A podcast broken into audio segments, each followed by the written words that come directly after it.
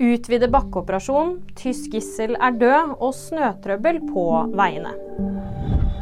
Israel sier de utvider bakkeoperasjonen. Operasjonene i Gaza vil fortsette å eskalere, sier en talsperson for det israelske militæret.